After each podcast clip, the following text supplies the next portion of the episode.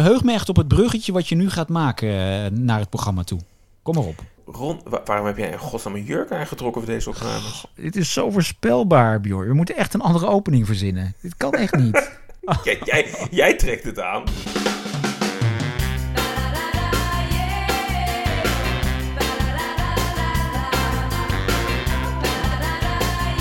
Ja, daar bleef je voor thuis. De bekende podcast over tv-nostalgie. Met mij, Roel Vergouwen. En met...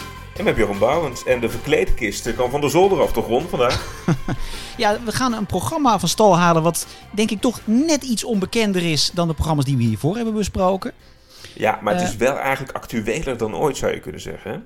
Zeker, zeker. Want nou ja, laten we eerst maar even zeggen... eh, welk programma gaan we vandaag bespreken? Wij gaan vandaag een klassieker van Robert en Brink eh, bespreken. En dan denken mensen misschien cijfers en letters, hè, of hoe heet het, woorden en, eh, en, en klanken. Of All You Need eh, Is Love? Of, of een andere grote hit van Robert en Brink. Maar niets is minder waar. Veel mensen zullen het niet weten, maar we gaan het hebben over de Travestie Show.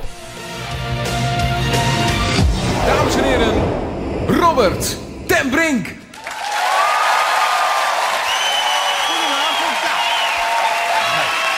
Hartelijk welkom. Ehm, ik denk dat dit een bijzonder gedenkwaardig moment is. Eh, de allereerste misverkiezing op televisie waar uitsluitend mannen aan meedoen. En om het nou nog iets bijzonderder te maken, kan ik u ook nog vertellen dat er tegelijkertijd geen man te zien zal zijn. En dat komt dan weer omdat al die mannen zich verkleed hebben als vrouw. Nou, dat is. Nou zal ik er eerlijk bij vertellen, ik heb dat zelf ook wel eens gedaan.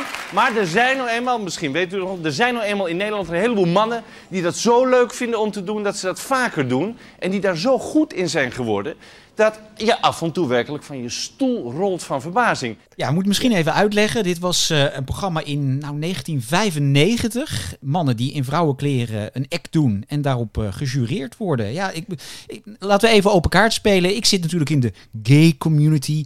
Jij niet. Ehm, als jij een, man in vrouwenkleren op televisie zit, wat doet dat met jou, Bjorn? Nou, dat, doet niet zoveel eh, met, met mij. Al vind ik het wel echt super goed dat dat gewoon kan. Maar als je bedenkt dat dit programma dus inderdaad in 1995 voor mij voor het eerst op televisie kwam. Ook nog eens een keer bij de publieke omroep. Ik vond het eigenlijk wel grensverleggend voor die tijd.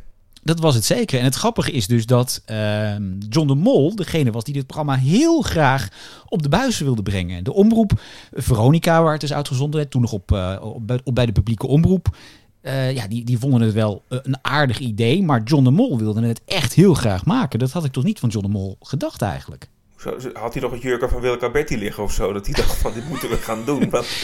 Nou Wat ja, nou, het? je- kijk, Willeke is natuurlijk wel populair in de gay scene. Ja, nee, absoluut. Dus het zou best een keer, eh, een keer kunnen dat Willeke eh, zingend op een krat bier stond op te treden in de lokale gaykroeg. En dat eh, John even langskwam om een biertje te drinken. En dacht, hé, hey, hier zit een format in. Ik vond het wel, wel goed, hè, wa- want we, we praten over een tijd waarin Veronica nog een publieke omroep eh, was en in het publieke bestel eh, eh, zat. En daar toch het credo had van jong, snel en wild, maar vooral ook vaak nou, wilde experimenteren ook met andersoortige programma's. En zeker ook een keer, nou ja, toch maar even het flauwe woord minderheden een podium wilde geven. Dat gebeurt natuurlijk al eerder in een comedy. We hadden in de Vlaamse pot. Dat was Ja. grensverleggend omdat een homoseksueel stel samen een restaurant eh, runde in Amsterdam. Hè. Dat was, eh, we vinden het nu denk ik en hoop ik heel normaal, maar het was toen best een bijzondere eh, bezetting qua cast. En dit was ook wel weer een, een soort minderheid die een groot podium in één keer kreeg. Ja, ja. En ehm, nou ja, er moesten dus allerlei mannen van straat geplukt worden die dan eh, hun act gingen doen in eh, die show. Nou ja, laten we maar even luisteren, want het begon altijd met de, de, de man die als man vertelde ja, wat hij precies deed in het dagelijks leven. En dan kwam altijd de grote ik- transformatie. Ik ben Henk, maar vanavond niet. Hoi, ik ben Stanley, ik ben 21 jaar en ik kom uit Roosendaal. Ik ben nu drie jaar bezig met travesti. eh, toen ik, eh, ja, dat is een beetje als hobby begonnen. En, eh, een beetje oogschaduw, een beetje lippenstift. En toen ja, gaat het toch een beetje professioneler eh, aanpakken. Wat voor type vrouw ben je nou? Een beetje chic. Dit was Stanley en dit wordt Tisha.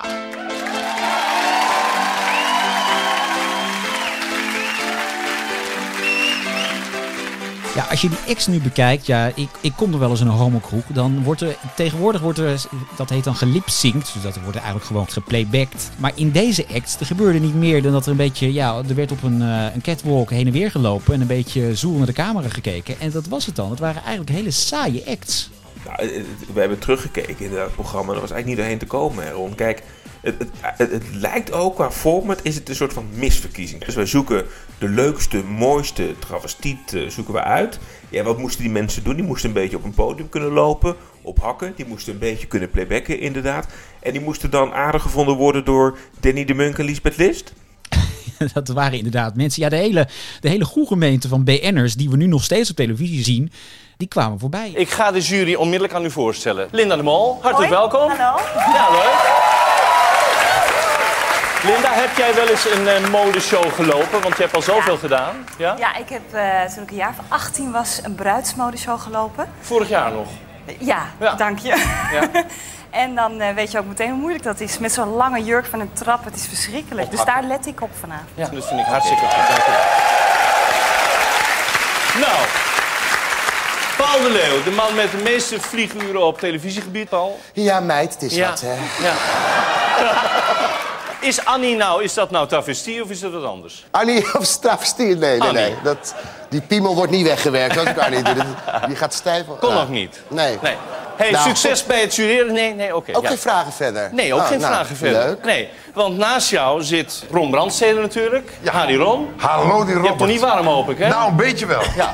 Maar ik speel het weg. ja. Waar ga je op letten? Ik ga op alles letten. Want ik vind het wel een hele fascinerende belevenis dat ik hier vanavond mag zitten in zulk schitterend gezelschap. Ja, gezellig, hè? Ja, ik vind het wel Ja. iets leuks hebben. Het had allemaal niet veel om het lijf, letterlijk en figuurlijk. Maar ja, het, het moest het vooral hebben van ja, hoe het eruit zag. Want glitter, glamour. Nou ja, eh, John de Mol ha- had hem flink uit de broek laten hangen, zullen we maar zeggen. Dus er zat flink budget in. Dus nou, qua vormgeving was het prima. Alleen ja, die act die stelde gewoon niet zoveel voor. Het was, eh, ja, het, als je dat nu vergelijkt met. eh, ja, want we hebben het erover, moeten we misschien even uitleggen. Omdat er weer een show met drag queens, zoals het tegenwoordig genoemd wordt, eh, op de buis komt. Videoland gaat een serie uitzenden. Drag Race Holland. Dat is zeg maar het, het equivalent van eh, RuPaul's Drag Race. Dat is een, een internationaal bekend format. Wat ook al in Engeland en in, eh, in Thailand een eigen versie heeft gekregen. En nu Nederland dus ook.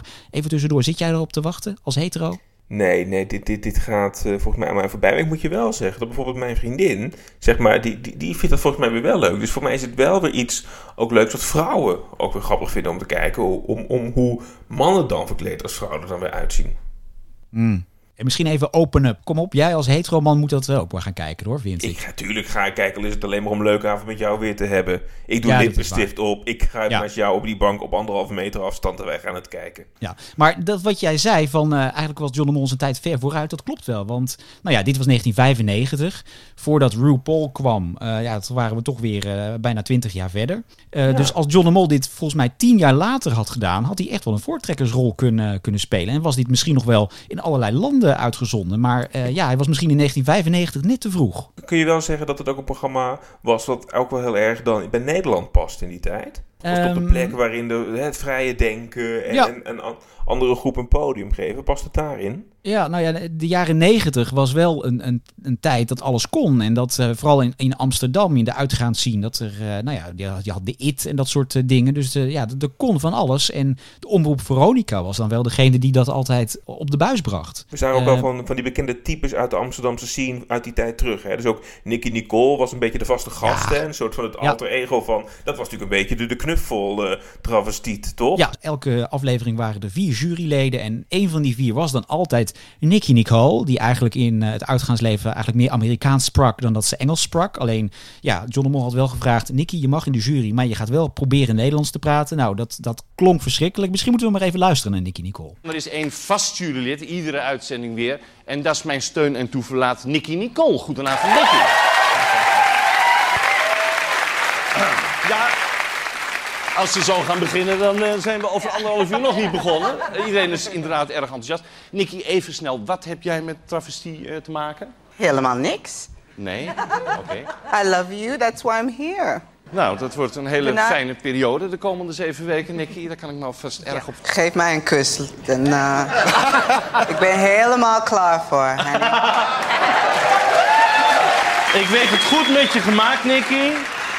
We doen er één, maar dan houden we er helemaal over op. Kom op. Oh my god. It was a character, Bjorn. That can I tell you. What, it was not real. Het was niet echt. Vertel je me nu. Oh, Nicky Nicole, ja. ja. Nou ja, dat, eh, zij mag trouwens niet eh, terugkeren, eh, voorlopig nog niet, in eh, de Drag Race Holland. Dus eh, dat is misschien nog net iets te oud voor tegenwoordig. Maar in die tijd was zij ja, de drag koningin van Nederland. Ja, en dan in de combinatie met dus gastheer Robert en Brink. Ja, Wat vind je en- van die keuze? Wa- Want Robert en Brink, die kennen we natuurlijk wel hè, vanwege All You Need Is Love en een breed programma's. Maar misschien is Robert en Brink niet de eerste naam die je bedenkt bij een programma over travestieten. Nee, nee, het het schijnt wel dat Robert en Brink is ook wel een beetje gevraagd om van dat, dat eh, lieve imago af te komen. Want deed natuurlijk toch All You Need Is Love. eh, En eh, ja, eh, John de Mol, die heeft hem echt over moeten halen om de travestie show te gaan doen. Om een beetje minder de ideale schoonzoon te zijn. Ja, en Robert heeft echt tot het laatste toe tegengesputterd. Omdat hij dacht, nou ja, ik geloof gewoon niet in het format. Volgens mij was hij gewoon te bang dat hij zelf in vrouwenkleren moest. Dat heeft hij trouwens wel een keer gedaan in de Sterren Playback Show. Maar dat is met jouw grote vriend Mark Klein Essink. Nou, hè? Ja, en misschien dat je ze daarom altijd door elkaar haalt. Was ook verward. Die waren allebei toen heel groot in die Ja, misschien moet je de podcast van. Medisch Centrum West dan even terug luisteren. Om dat, eh, Dankjewel. dat, dat, dat even boven water te halen. Maar John heeft hem echt moeten overhalen. En hoe heeft hij dat nou gedaan? Hij heeft gezegd: Robert, als we meer dan 2 miljoen kijkers halen, dan ga ik ook op een avondje in drag. Dat wil je natuurlijk, dat wil je natuurlijk meemaken. Nee, het schijnt dat ze echt eh, 1,6 of 1,7 miljoen hebben gehaald. Maar die 2 miljoen hebben ze net niet gehaald. Gelukkig hadden ze toen nog geen uitgesteld kijken, zullen we maar zeggen. Nee, maar goed, dat waren alsnog, ook voor die tijd, waren dat best hoge kijkcijfers. Dus het is best aardig bekeken. Ja. Hebben, hebben we Eh, nou grote sterren overgehouden, Ron, aan, eh, aan die hele travestie-show? Nee, helemaal niet. Nee, ik, ik heb opgezocht wie nou, die, Nou. die winnaar... Wat? Kelly van der Veer. Kelly, heeft hij meegedaan, ja? Die deed mee aan het eerste Oh. seizoen. Kelly van de Vierde... Nou ja, nee, natuurlijk zijn er grote sterren voortgekomen uit, uit de travestie show. Nou, Kelly van de Veer natuurlijk. Als Kelly ben ik een echte spontane glamour girl. Mijn sterke punten zijn mijn bewegingen, mijn lach en eh, ik heb een echt vrouwelijk uiterlijk. Dit was Ferry en dit wordt... Kelly.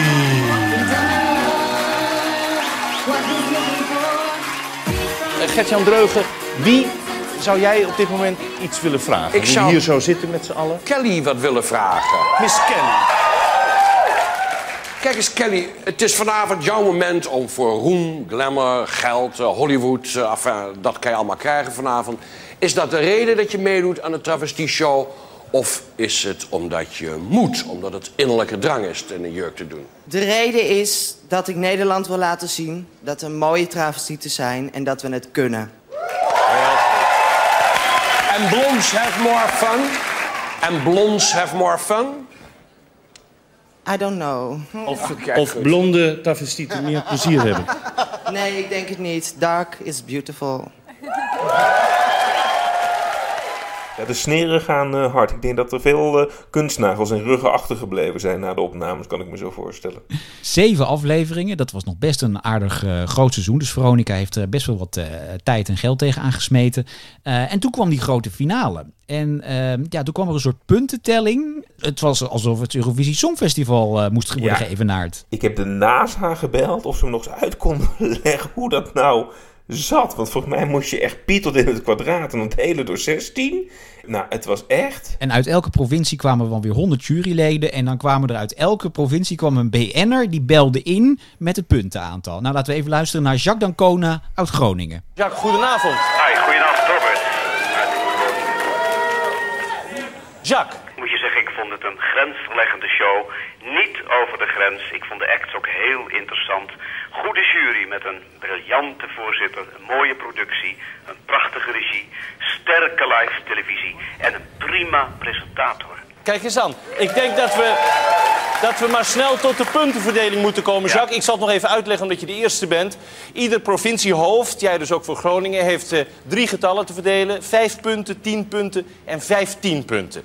Naar wie gaan de vijf punten, Ik Jacques? trouwens nog even verwachten, Robert, dat jij nog even zou optreden samen met Mark Klein-Essink als eh Lee Towers en Anita Meijer. Maar dat moeten we helaas ontberen. Jammer, hè, Jacques? Daar gaan we. Ja. Robert, hier volgen de punten van Groningen. Vijf punten voor Miss Tara. Miss Tara, vijf punten.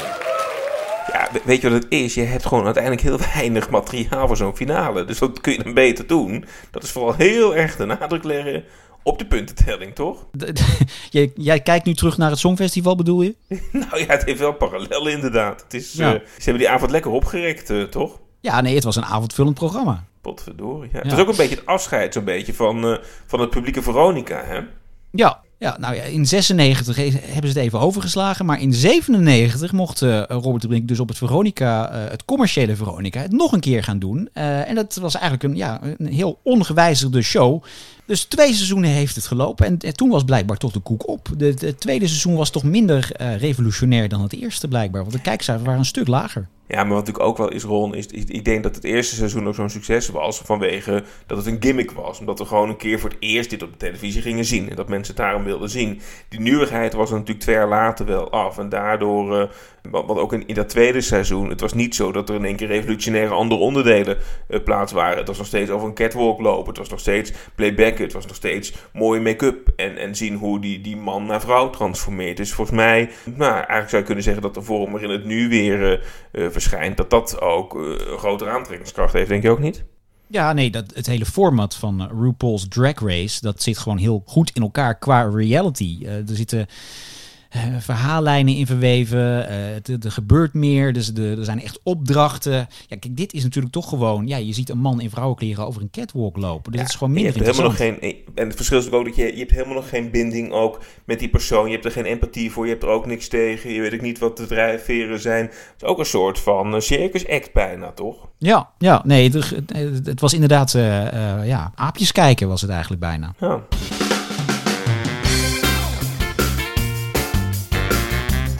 Twee seizoenen lang de Travestie Show.